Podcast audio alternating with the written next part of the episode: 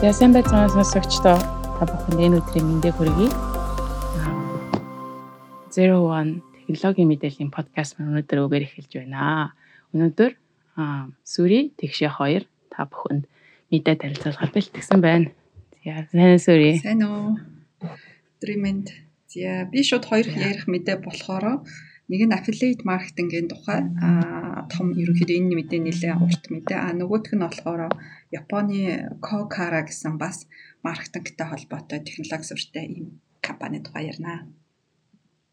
За. За миний хувьд болохоор Amazon-ы үйлдвэрчний хил байгуулах тухай ерөөдөө сайхан нэлээд шууган таарсан. Өнгөрсөн сар жангаа юм болсон. Тэрний үр дүн гарсан байгаа тэр тухай. А одоо Coinbase ерөнхийдөө 2 өдрийн дараа ер нь маргааш юм байна. Маргааш IPO хийгдэж байгаа тэрний тухай бас жоохон дуртад өнгөрөө гэж бодлоо. Аа. За. Хин эхлэх үү? Чам тэгшээс эхлэх үү? За тэгээ. За. За. За а миний хувьд болохоор Amazon-ы одоо unionization гэж би одоо үйлдвэрчний эвлэл гэсэн үг шүү дээ. Яг үйлдвэрчний эвлэхээр яг нөгөө нэг Монгол нэрээрээ labor union гэдэг яг үйлдвэрчний эвлэлцийг сонсож байгаа болоод ерөөдөө эвлэл байгууллага ажилчид хоорондоо эвлэл байгуулах тухай Amazon-ы ажилчдаас нэлийн бараг бараг сарын өнгөрсөн сарын турш нэлийн үдсэн. Тэгээд баг 7 7 хоногийн тийм voting буюу одоо санал өгөх би энэ үйлдвэрчний нэг нэрээ нэгдэхгүй гээд нэлээд тийм сенсацтай зүйл болсон байгаа. За ягаад үүнийг ерөөхдөө сонгож авсан бэ? Үр дүн бол ерөөхдөө Amazon-ы ажилчид яг ажилчид биш одоо Alabama мужид байдаг. Тэр агуулгын ажилчид ерөөхдөө 70% нь оролцохгүй гэж шийдсэн байгаа. Тэгээ 30% нь оролцъё гэж шийдсэн. За тэгээд ерөөхдөө энэ дээр бол Amazon өөрөө ялсан байгаа. За хамгийн анхны ерөөхдөө иймэрхүү санаа ерөөсөө ярих шалтгаан нь юу байсан бэ гэхээр энэ хүү ажилчид маань агуулгад ажилладаг ажилчид маань маш өндөр дарамтанд ажилладаг.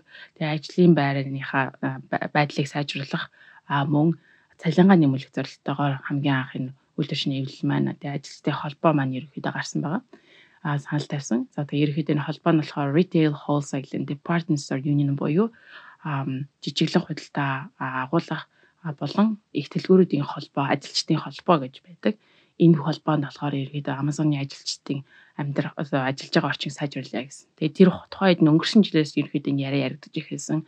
Тэгээ Amazon ч гэсэн бас нэлээх мөнгө төлж а эдгээр ажилчдыг бол ерөнхийдөө боловлохыг орны яжсэн шиг ер мэдээгээр нэлийн шуу гэсэн тий. За тэгээд ажилчдын гол гол одоо яг ингээд ажилчдад ингээд яриад үзэхээр юу байсан бэ гэхээр бүр ингээд арай л ширүүн юм болсон байгаа юм л да ерөөдөө сонсохоор.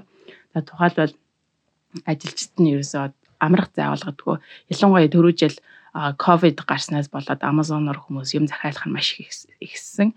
Ерөөдөө Amazon-ы бол нийт одоо орлого нь бол маш өндөр хэмжээгээр өссөн байгаа. Түүнээсээ болоод ерөөсөө агуулгад ажиллаж байгаа ажилчдад бол нэлээд өндөр шаардлага тавьдаг болсон. Энэ агуулгын ажилчид бол хэдийгээр робот ирээд ямар нэг зүйлийг сортинг хийж эднийдхий хайрцагт хийдэг боловч ажилчид бас тэндээс тухайн бараа бүтээгдэхүүнийг агуулга дотор том агуулга дотор энэ тэндээс очиж аваад тэрийг одоо хайрцаглах ажлыг бол ер нь гар барин хийдэг байгаа. За тэгээд эдгээр ажилчдыг бол амрах зайгүй ажиллуулж байна. Хэрвээ алдаа гарах юм бол маш том шийтгэл хийж байна. Бүр жорлоо орох те нойлын давсарлага авах зайгүй ажиллуулж байна гэдэг тийм гомдол ирсэн. За тэгээд хэрвээ тэрнээсээ өдрийн квоттай квотоосоо хэрвээ ажилчид нь багаар их юм бол шууд гомдол мэдүүлэх. А тэгээ 2 3 удаа алдаа гаргахад ажлаас нь шууд халах гэдэг тийм хүн нөхцөлд ажиллаж байна. Маш их прешертэй, маш их дарамтанд ажиллаж байна гэж ажилчид нь гомдол гаргасан байгаа. За тэгээ түүнээс гадна зөвхөн агуулгын ажилчид биш машинаар түүгээдэг ажилчид гэж байгаа. Тэгээд тэдгээр нь бол ерөөдөө заавал өдрийн тодорхой хэмжээний бараг айлын гэрт хүргэх тийм одоо яг стандарттай тэрийг бол заавал баримтлах ёстой. За тэгээд түүнээсээ болоод цагт маш их баригддаг. Бүр сүүл рүүгээ төрөнд хэлсэн бие засах тийм цаг гарахгүй бүхэл бүтэн өдрийн бараг 12 цаг ажиллах тийм хэцүү хүн нөхцөлд ажиллаж байсан. Тэгээд нэг хэсэг болохоор шугын тарж байсан болохоор тэр бараа хүргэл хийдэг машин байгаа шүү дээ тий томоохон ийм ачааны машин байгаа. Тэр ачааны машин дотор нь хүртэл ингээд Pepsi-ний сав хийцэн. Pepsi-ний сав гэсэн хүмүүс шийдэг. Тэгээд эсвэл рүүгээ баран гэдэг чинь өтгнөө гарах хүртэл тэр хэмжээнд хүрчээсэн. Тэгээд юунууд нь жолоочнууд нь те бараа бүтээгдэхүүн хөргөж байгаа тэр жолоочнууд нь хэлэхдээ бол хэрвээ тийхгүй ах юм бол Amazon ингээд бүх машинуудаа хянаж болдог. За тэг хянаж болдог учраас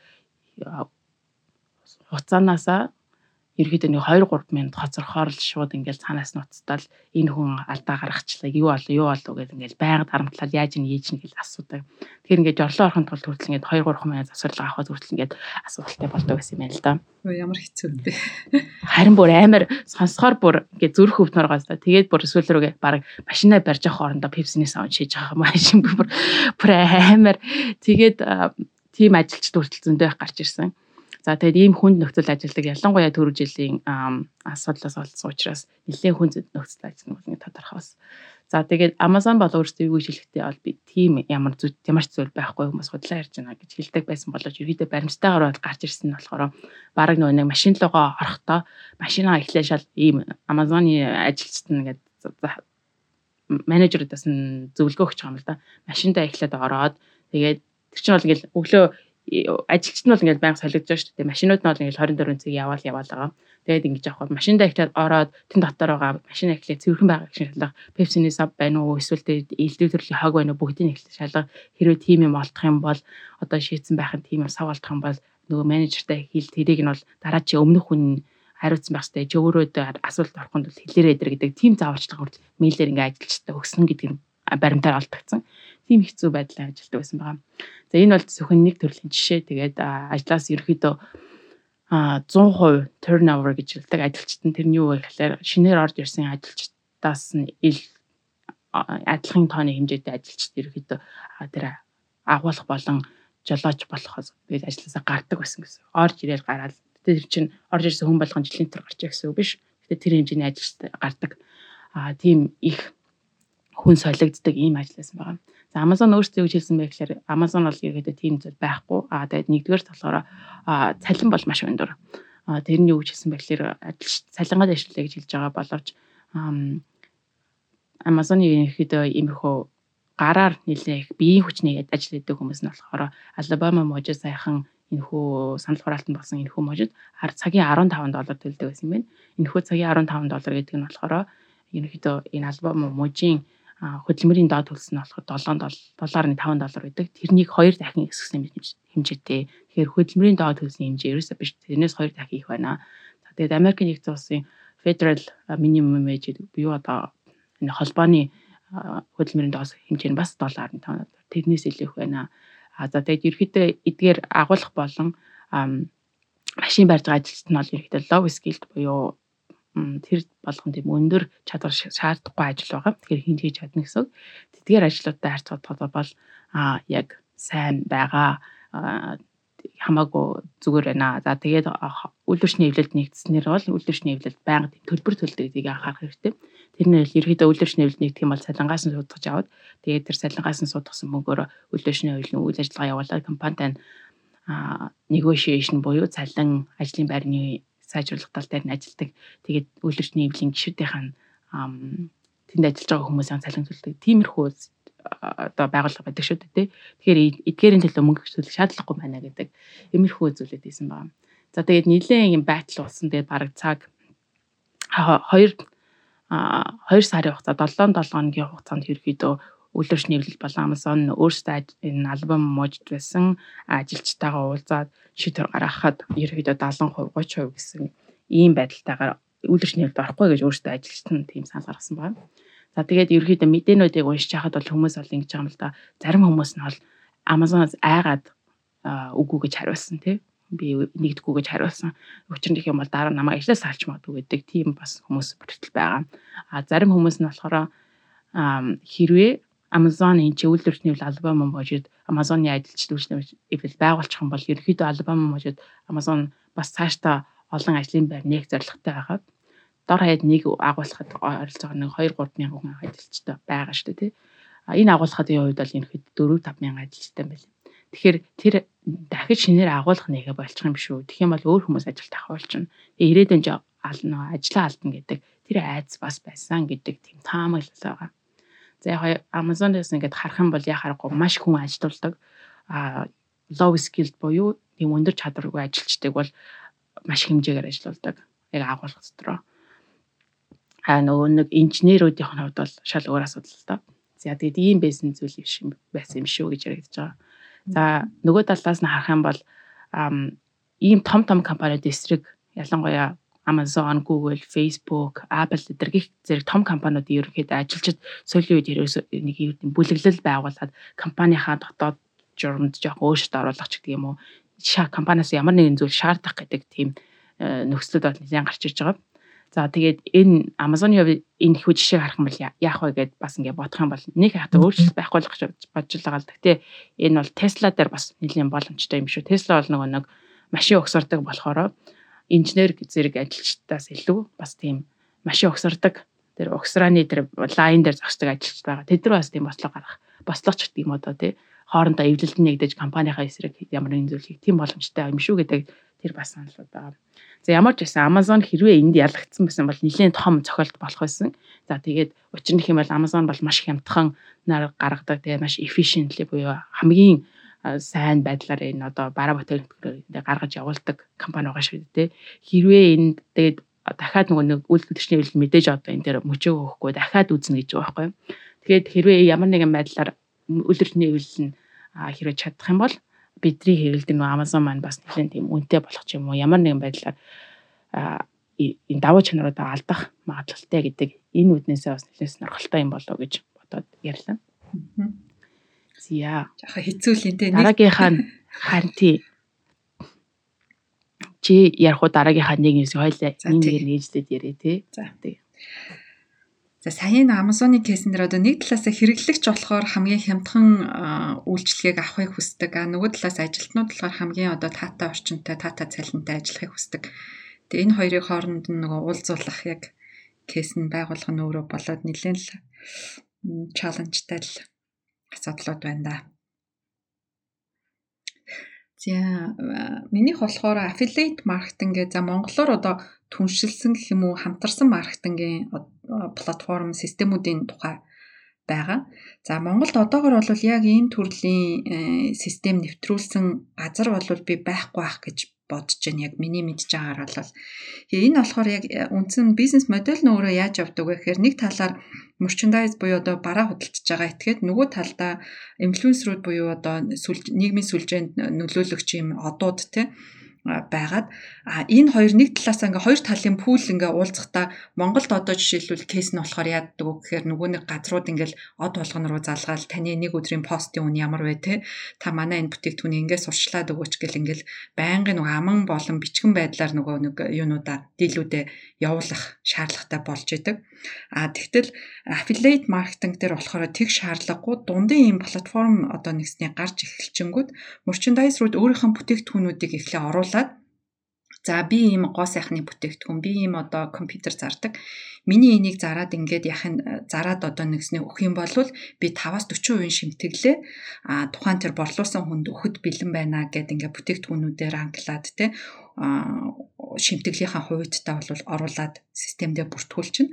А нөгөө талаар нь одууд бол инфлюенсерүүд бол тэрийг сурталчлаад өөрийнх нь яг өгсөн нэгсний линкийнх нь дагуу хэрэг одоо өөрийнх нь дагагч нь гэсэн үг те худалдаа авалт хийх юм бол нөө шимтгэлийн хувиа авдаг ийм үндсэн модель байгаа. За тэгэд энэний яг уу давуу талууд нь мэдээж яриг айгүй систем хоёр тал уулзахад маш хялбархан болно те. Хоёр талаасаа ямарваа нэгэн одоо нэгсний нэг нэгнийгаа хүлээгч гэдэг юм эсвэл гэрээ контракт хийх гэл тийм олон шаардлага байхгүйгээр маш амархан уулзах боломжтой. Би биенийхээ нэгсний хэрэгцээг бүрэн эрэл нийлүүлэлтэд хангах юм боломжтой. Ийм бизнес платформуд байгаа. За энэ дээр одоо ерөнхийн нэг хит саяын энэ платформуд болохоор за платформ хэлбэрээр ч явж байгаа. Нэг гурван төрлийн хувилбараар байж болно гэж харж байгаа. Нэг бол яг өөрийн цэвэр одоо нэгсний систем дээрээ ийм бэлэн SaaS системийг авч ашиглаж болно. Одоо би одоо нэг вебсайт ажилуулдаг байлаа. Тэр вебсайт дээр SaaS хэлбэрээр ийм affiliate marketing платформыг одоо нэгснээ суулгаж болно болоод а дээрэс нь би өөрөө нөгөө нэг инфлюенсерүүдээ буюу одуудаа өөрөө бүртгэж олох бас хэрэгтэй. Тэгэхээр жоохон ажиллагаа ихтэй энэ хувилбар болвол А хэрүү одоо нөгөө нэг зарж байгаа вебсайт маань аюул олон бүтээгдэхүүнтэй бол энэ бол болно. А хоёр дахь кейс нь юу вэ гэхээр би бэлэн аль хэдийн одууд одоо ч юм уу тийм инфлюенсерүүд юм уу эсвэл тодорхой хэмжээний өөрөө дагагчтай блог эднэр хөтэлдэг хүмүүс ч юм уу аль хэдийн байгаад эднэр бүртгүүлээд ороод ирсэн тийм бэлэн системийг өөрийнхөө вебсайт дээр одоо тохируулах юм хувилбар хоёрт нь а гуравт нь болохоор а бүр одоо маркетплейсүүд буюу одоо Amazon, Rakuten эднэр шиг аль хэдийн эднэр бол нөгөө нэг бараагаач оруулаад шууд тэгээд affiliate маркетинг хийх боломжтой ийм систем дээр хамтарч ажиллах гэсэн ийм гурван хувилбар бол байгаа. За энэ affiliate маркетингийн хамгийн том одоо нэгсний пүлтэй газар бол хамгийн сайн хийдэг, волюм өндөр эргэлдүүлдэг бизнес бол Amazon байгаа. Amazon-ы саяхан ярьсан яг кейсэн дээрх юу Amazon-ы association буюу Amazon affiliate marketing вебсайтаар ороод энийг хийж болно гэсэн. За энэ бол хамгийн өндөр пул эргэлдэг. За тэгээд Rakuten мэдээж хэрэг дараагийнхт нь орж ирж байгаа. За тэгээд бусдууд нь бол улс улсаас хамаарат янз бүр одоо share share sales орж ирнэ. За CG affiliate гэдээ орж ирнэ гэд ингээд аюу олон янзын нэлээ төрөл бүрийн чиглэлээр янз бүрийн компаниуд бол а байгаа. За энэ дээр одоо нэг хоёр талын этгээд оролцож байгаа merchant болон одоо нэгсний инфлюенсер хоёр байгаа. Инфлюенсер болохоор ийм affiliate маркетингийг сонгохдоо юу юуг анхаарах хэрэгтэй вэ гэхээр мэдээж хэрэг хамгийн эхлээд миний өөрийн контентэнд тохирдох уу, тохирох уугүй юу гэдгүүдээ харах мэдээж бодолцох хэрэгтэй. Хамгийн түрүүнд бүтээгдэхүүнээ сонгохдоо бол а тэгээд тэр чиглэлээр дагнцсан бас affiliate marketing-ийн програмууд хүртэл зөвхөн IT-ийн бүтээгдэхүүнүүдийг ч юм эсвэл аялал жуулчлалын бүтээгдэхүүнийг ч юм уу те холбож өгдөг юм affiliate marketing-ийн програмууд байгаа. А эсвэл бүр ингээ Amazon шиг бүх төрлийн бүтээгдэхүүнүүд байж идэг. Би хүссэн бүтээгдэхүүнээ тэр дотроос сонгоод промотлох боломжтой байдаг. Тэгэхээр би магадгүй одоо геймер байгаад стриминг хийдэг байлаа гэж бодоход би одоо маус сурчиж болно, компьютер сурталчилж болно те сандал сурталчилж болно ч гэдэг юм уу. Тэгвэл надаа ямар төрлийн бүтээгдэхүүн сурчлуул миний дагагч нар их аваад би илүү их шимтгэл авах вэ гэдэг энэ хувиа нэгснээ харж болно гэсэн үг. За хоёрт нь болохоор мэдээж хэрэг commission rate буюу хэдэн үеийн шимтгэл өгөх юм гэдгээ харах хэрэгтэй. Amazon бол жишээл айгүй бага хэмжээний шимтгэл өгнө одоо 3-аас 4 максимумда 5 ч юм уу тий бага хэмжээтэй шимтгэл өгнө. Гэхдээ Amazon дээр байх юм бол масс борлуулалт хийх боломжтой. Олон тоотой борлуулад дундаас нь мөнгө их олох ч гэдэг юм уу тий. А тэнгууд зарим affiliate маркетингийн програм дээр болохоор бүр 40 бүр 90% хүртэл шимтгэл авч болох боломжтой тийм бүтээгдэхүүнүүд байгаа. Тэр нь мэдээж хэрэг а тухайн брэнд нь өөрөө шинэ үү те ямар онцлогтой вэ гэдгээсээ бас хамаарна. За Гуравт нь болохоор юг харах хэрэгтэй вэ гэхээр нөгөө миний сурчлага сурталчлах гэж байгаа бүтээгдэхүүн буюу эсвэл сайт маань өөрөө хэр зэрэг найдвартай вэ гэдгийг харна. Amazon-ы хувьд жишээл магадгүй одоо нэгсэн ингээ шипэн дээр бүтээгдэхүүн дээр тэ тээвэрлэл дээр ямар ч асуудал байхгүй. Тэгээ төгсгөлийн хэрэглэгч жишээл бүтээгдэхүүнээ буцаая гэхэд одоо ямар ч асуудал байхгүй ч гэдэм үү те. А тэгэнгүүт би хэрүү нэг мэдхгүй жижигхэн сайтыг сайтан зарагдчихж байгаа нэг бүтээгдэхүүнийг сурталчилчлаа. А нөгөө нэг миний дагагч өө эн чинь өстө онцгой бүтээгдэхүүн байж гэх юм бол буцаагаад миний нэр хүндэд нөлөөлөх ч юм. Одоо нөгөө миний гинэ нөгөө инфлюенсерийн одын нэр хүндэд нөлөөлөх магадлалтай. Тэгэхээр энийг аягүй сайн бас бодолцож сонгох хэрэгтэй. За хамгийн сүүлийнх нь болохоор нийт хугацаагаа одоо нэгснээ системийн тохиргоогоо бас харах хэрэгтэй. Жишээл Amazon бол 24 цагийн дотор чиний referral link-ээр хэрв хин нэгэн худалдаа авал яг чиний сурчилсан бүтээгдэхүүний авах юм бол илүү өндөр шимтгэл аавна. А чиний сурчлаагүй өөр бүтээгдэхүүнийг тэгтээ тэр хүн чамаар дамжаад ороод ирсэн ийм бүтээгдэхүүнийг худалдаж авах юм бол өөр ямар нэгэн бүтээгдэхүүн худалдаж авах юм бол арай бага хувьтай шимтгэл өгөн ч гэдэг юм уу те. А тэгэнгүүт зарим одоо share sales болоо жишээлбэл 120 хоног өгнө. 120 хоногийн дотор чиний referral link-ээр бүтээгдэхүүн авах юм бол тэр нь шимтгэл нь чиний дансанд орох боломжтой ч гэдэг юм уу те. Ингээ та хэд хэрэг одоо нөгөө гадны инфлюенсер инста аудит нүрийг дагдаг бол ингээл нэг бүтээгдэхүүн сурталчлаа те одоо за энэ хувцсыг сурталчлаад хэрв яг одоо миний энэ хувц өмсөж байгаа хувцсыг энэ доотлын линкээс татаад аваарай ийм купон код оруулах юм бол илүү хямдран шүү ч гэдэм үү те ингээд рекламддаг яг энэний хэсгүүдийг affiliate marketing гэж байгаа. За за инфлюенсер талдаа бол энийг анхаарах юм байна. А тэгвэл merchant талдаа юуг анхаарах вэ гэхээр мэдээж хэрэг үндсэн вебсайтт маань ямар ч нөлөөлөл үзүүлэхгүй одоо нэгснээ үндсэн үзүүлэлт буюу ачааллахад ямар ч нөлөөлөл үзүүлэхгүйгээр траклах боломжтой хэр одоо нэгснээ кодлес одоо систем ажиллаж байна гэдэг тэрийг мэдээж ярих харна. За post backtrack нь буюу одоо одоо энэ чинь баахан олон инфлюенсерүүд төрөл бүрийн бүтээгдэхүүнээ дээр одоо нэгсний deep link-үүд буюу referral link-үүд ингээд үүсээд явна. А тэр болгоныг хойноос нь зөв track-лж чадчих нүггүй юу гэдэг харах хэрэгтэй. За тэгээ мэдээж хэрэг бүтээгдэхүүн өөрчлөгдөхөд тухайн бүтээгдэхүүн аа үнийг зөв апдейт хийж чадчихэв үү ч гэдэг юм уу те ингээд нөгөө систем талаасаа шаардлагуудаа хараад явчих нэ гэж болвол харж болно. За тэгээ энийг бол би бол Монголд бол бүрэн хэрэгжих боломжтой. Яг тэгвэл ийм төрлийн even бүр ингээ агент хүртэл байдаггүй те. Гадаад болохоор энийг яг офлайн хувилбараар нь хийдэг агентууд байж идэг те а яг одоо нөгөө талаас нь одуудын үн ханшуудыг бүгдийг цуглуулсан тий эсвэл ингээд одоо нөгөө дуучид дуулах үн ханшийг цуглуулна гэдэг шиг. За энэ инфлюенсер тэдэнд дагагчтай тим пост тавих юм бол тэдэнд төгрөгч гэдэг юм уу тий тэр нь заавал од болгон руу харилцах шаардлагагүйгээр тийм агент руу хандчихдаг. Тэгвэл Монгол болохоор бүр ийм офлайн агент нь ч байхгүй онлайн хувилбар нь ч байхгүй байгаа. Тэгэхээр энэ дээр бол Монголын маркетплейсүүд болон яг ийм стартап компаниуд би бол ажиллаж бол эхлэх байхаа гэж бол харж байна. Зөө зөө.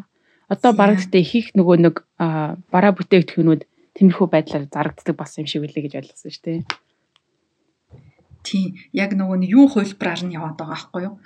Аа одоо болохоор нөгөө нэг ингээд шууд хоёр merchandise юу хоёр хоорондоо шууд уулзаад тэгээ аман тохиролцоо дандаа ингээ хийгээд гэрээ байгуулад дандаа хийж байгаа. Зөв зөв. Аа тэрнээс яг нөгөө нэг юм систем ашиглаад хийсэн юу болвол байхгүй байгаа да. Аа яг хуу механикны хувилбар нь купон кодууд бол байгаа л да. Купон код хийгээд нөгөө купон миний энэ купон код сүрэ гэдэг купон кодыг оруулаад 5%, 10% хямдрал аваарай гэдэг юм уу те. Энэ бол бас байгаа. Гэхдээ цаана нь дахиад хилэлцээр negotiation хийгдчихэж энэ нь бол хийгдэж байгаа. Аа. Зя. За миний мэдээ, эхний мэдээ. Зя. За дараагийн миний мэдээ бол ерөөхдөө нэг тавчхандаа хүмүүс санал одоо санал голох юм юу болоод байна гэдэг. Coinbase гэж та бүхэн хэрвээ сонсч байсан бол мэдэх бах. А хэрвээ мэдгүй хүмүүс яхам бол ерөөхдөө товчхон танилцуулах Coinbase гэдэг маань крипто валютыг худалдаалах, зарах, тэг хадгалах, хүнд өгөх гэх юм ерөөхдөө крипто валютын баг банк шиг одоо exchange тийм солилцооны талбар шиг ажилладаг ийм компани байдаг Coinbase гэдэг. Тэгээд одоо биткойн авах ч юм уу, Ethereum авах гэдэг дээр бол ерөөхдөө Coinbase дээр хүмүүс хэрэглэгч болдог. За энэ хүү Coinbase компани болохоор 2012 онд байгуулагдсан. Тэгээд тэрнээс хойш ерөнхийдөө ингээд томорсоор томорсоор ерөнхийдөө маргааш буюу өнөөдөр юм уу? Маргааш шүү дээ. 14 оны 4 сарын 14-нд Nasdaq дээр IPO хийхээр ингэж болсон байгаа. За тэгээд ерөнхийдөө Coinbase өөрөө public company болно гэдээ ингээд зарласан байгаа. За тэгээд сонирхолтой зүйл нөх юм бол ерөнхийдөө энэ хамгийн анхны тийм крипто валюттай холбоотой бизнес хийдэг тийм IPO хийж байгаа компани байгаа. Тэгэхээр ерөнхийдөө ямар их одоо хайп сүүлийн үед энэ крипто валют гэдэг маань авч байгаа гэдэг нь бас эндээс харагдах байх. За тэгээд нөгөө талаас харах юм бол үнэлгээ нь бол баш солиотой. Зарим одоо ерөнхийдөө бол ойролцоогоор 100 тэрбум долларын үнэлгээтэй гэж ерөөдөө яригдж байгаа. Хэрэв 100 тэрбум доллар гэдэг маань харилцаагаар Монголын дотоод зэний зөхион чи 15 ямар хавь Тийм Монгол бүхэл Монгол улс 15 тэрбум штэ тий. Тэгээ тэрнээс одоо хэд дахин их вэ? 6 7 дахин их үү? Үнэлгээг тэгэр одоо гарна гэж ингэж ерөөдөө таамаглагдаж байгаа юм байна. За Монголыг 6 7 дахин маргааш нууглах байгаа юм байна. Ийм амар том үнэлгээтэй хэрэгж байгаа. За гэхдээ мэдээж зарим нэг одоо market watch ч юм уу гэх мэтлэн компаниас бол наа чинь бол 170 тэрбум доллар арай их байна. Миний ойролцоо бол зарим хүмүүс 18 тэрбум гэж үнэлж байгаа. Зарим хүмүүс нь 100 тэрбум гэж үнэлж байна. За тэгээ маргааш ерөөхдөө харах байхаа гэж бодож байна. За тэгээ сонирхолтой зүйлүүд нэг юм бол ерөөхдөө Coinbase ажилладаг зарим одоо энэ цагирын өндөд rumor те хүмүүсийн живж байгаа гэж яригдж байгаа болохоор ерөөхдөө Coinbase одоо маргааш гараад ирэх юм бод цагирын өндөд ажилладаг ажилчид нь give and байж штэ тий нөгөө нэг цалин stock option аваад Тэгэнгүүт тэдгээр бажсан ажилчид нь буцаагаад биткойн авах юм биш үү гэдэг. Тим таамаг ер нь явж байгаа. Тэгэхээр маргааш биткойн солиорч магад маргааш юм сүүлийн тийм сүүлийн өдөр өсөж магадгүй. Тэгвэл Coinbase-ийн хувьд хэн авах юм бэ гэж байгаа байхгүй. Тэгэнгүүт буцаагаад нөгөө Coinbase-ийг санхүүгийн байгууллагууд том том банкуд бас худалдаж авах боломжтой. Тэд нар заримдаа нөгөө нэг одоо крипто валют өндөр рисктэй учраас авах боломжгүй гэдэг бол хэрвээ компани хувьцаа худалдаж авах юм бол бас нөгөө талаас нь авах боломжтой юм биш үү гэдэг. Тиймэрхүү бас тийм жив жив ярианууд явагдаж байна. Тэгээ тийм сонирхолтой зүйл болох чинь гэж одоо яхан дуртай гэж бодлоо. За. За яа та крипт блок юуг харж яхад нэ тэ? Биткойныг тий хар тий тийм биткойныг харж яхад нэ Окей за сүүлийн мэдээ за энэ болохоор Kokara гэдэг Японы айгүй жижигхэн стартап байгаа даа.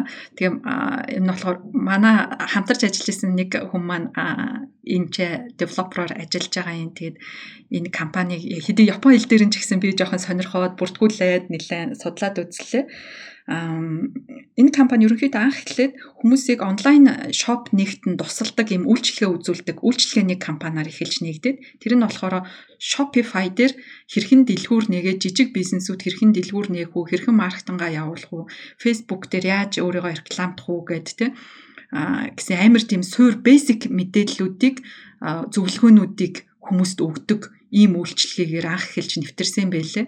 Тэгэнгүүт одоо тэр нь цаашаага өргөжөөд 2000 сүүлийн веб дээр нь яг 2000 гэсэн байлаа. Хамгийн сүүлийн мэдэн дээр болохоор 4000 гаруй юм жижиг дэлгүүрүүд одоо нэгснээ Shopify болон Японы хит хитийн ийм дэлгүүр нээдэг платформуд дээр 4000 орчим дэлгүүрийг нээхэд тусалсан гэж тэгж байгаа зөвлөгөө өгдөг нэгт нь хамтарч ажилладаг гэд. Тэгэнгүүтээ энэ 4000 орчим дэлгүүрийнхаа зар сурчлагынхаа дата баазан дээр нь суурлаад ad assist гэдэг одоо бодвол advertisement тусламж assistant assistant гэдэг одоо зар сурталчилгаанд тань тусламж үзүүлэх гэдэг ийм одоо үйлчлэгээ нэвтрүүлсэн. Энэ нь болохоор AI based зар сурчлагынх нь үндсэн датануудаас суурлаад тухайн ямарваа нэгэн шинэ харилцагч юм эсвэл за хуучин өөрийнх нь харилцагч нарч байсан болно. Сурчлагаа явуулахад нь та Facebook дээр ийм төрлийн промошн явуулах юм бол илүү амжилт олох магадлалтай. Та ингэж энийга ийм үед нь ийм юм дээр спендинг хий, яаж хийх үү гэдгийг нь зөвлөдөг ийм програм одоо нэгснээ хөгжүүлээд гаргаж байгаа юм байлээ. За тэгээ энэ дээр нь цаана бас Монгол девелопер цаана ажиллаж байгаа. Тэгэхээр энэ болохоор надад бас айгүй сонирхолтой кейс санагдсан. Яагаад тэгэхээр одоо Facebook өөрөө бүр ингээ хитрхи том болоод хүн нэг жирийн хүн зүгээр сурчлагаа явуулах бол ямар ч боломжгүй болцсон. Ингээд маш их олон шат амжилтлага яг хаана юуг нь бүглэх нь тодорхойгүй те. Айгүй олон төлөвүүдтэй би яг алийг нь ашиглаад сурчлагаа явуулах нь айгүй тодорхойгүй болцсон. А тэгэнгүүт энэ болохоор илүү нөгөөднөх тийм том нүсэр болцсон системийг буцаагаад яаж хамгийн хэлбархнаар та одоо нэгсний бизнесээ хийх боломжтой вэ гэдгүүдийг жирийн нэг одоо нэг баг гутал застдаг ч юм уу те эсвэл нэг жижигхэн хоол хийдэг газар ч юм уу эсвэл өөр ингэсэн брендийн жижигхэн хувцсны дэлгүүртэй ч юм уу те янз бүрийн юм хүмүүс нөгөө нэг энийг нь тааруулаад бүр энгийн симпл болгох тийм ажлыг хийж байгаа юм бэлээ. Тэгээ өөртөөгөө болохоор one stop shop буюу e-commerce-ыг байгуулахад туслах all in one stop shop for e-commerce гэдэг ийм одоо нэгсний брэнд ураа хөтэн юм байлээ. Тэгээд би бол Монголд бас яг энэ төрлийн бизнес бас айгүй хэрэгтэй байгаа даа болов одоо а энтэй Shopify-тай төстэй зочил shop гэд байна те. Э, энэ дээр одоо ч юм уу энэс цаашаа энэ нь болохоор зөвхөн вебсайтын хэсгийг хийгээд явчихж байгаа. Тэнгүүд би вебсайтаа ижлээ. Энийга тэгвэл Facebook дээр яавал илүү олон хүнд хүргэх хэрнэ хамгийн бага зардлаар хамгийн олон хүнд хүрэх үуч гэдэг юм уу те. За Facebook-ээс гэлгүй би одоо Instagram өөр мэдээний сайтууд ч юм уу те. өөр хит хитэн одоо нэгснээ сугуудыг яаж хамруулж одоо хийх үуч гэдэг юм уу ийм одоо нөгөө нэг жижигхэн бизнес эрхэлж байгаа хүнээс чинь айгүй том технологийн ур чадварууд ингээд мэдлэг мэдээлэл шаардаад байгааг нь дунд нь дахид зуулчлагч орж ирээд энийг нь шийдээд өгөх ийм боломжтой юм байлээ. Тэгээд хэрвээ одоо Японд бизнес хийж байгаа хүмүүс байвал үнгүү фейс одоо нэгсэн ийм e-commerce ажиллах үнгүү зөвлөгөө өгнө гэд өөрийнх нь сайтн дээр нь бичсэн байлээ тэгээд эхлээд үнгүү зөвлөгөө аваад тэрнээсээ цаашаа дараа дараагийнхаа e-commerce илүү сайжруулах алхмуудыг мэдэх боломжтой юм байлээ. Зя. За өнөөдрийн мэдээ маань үгээр дуусгах тий. За тэгээ. За тэгээд дараагийнхаа дугаараар уулзлаа түр баяр тий.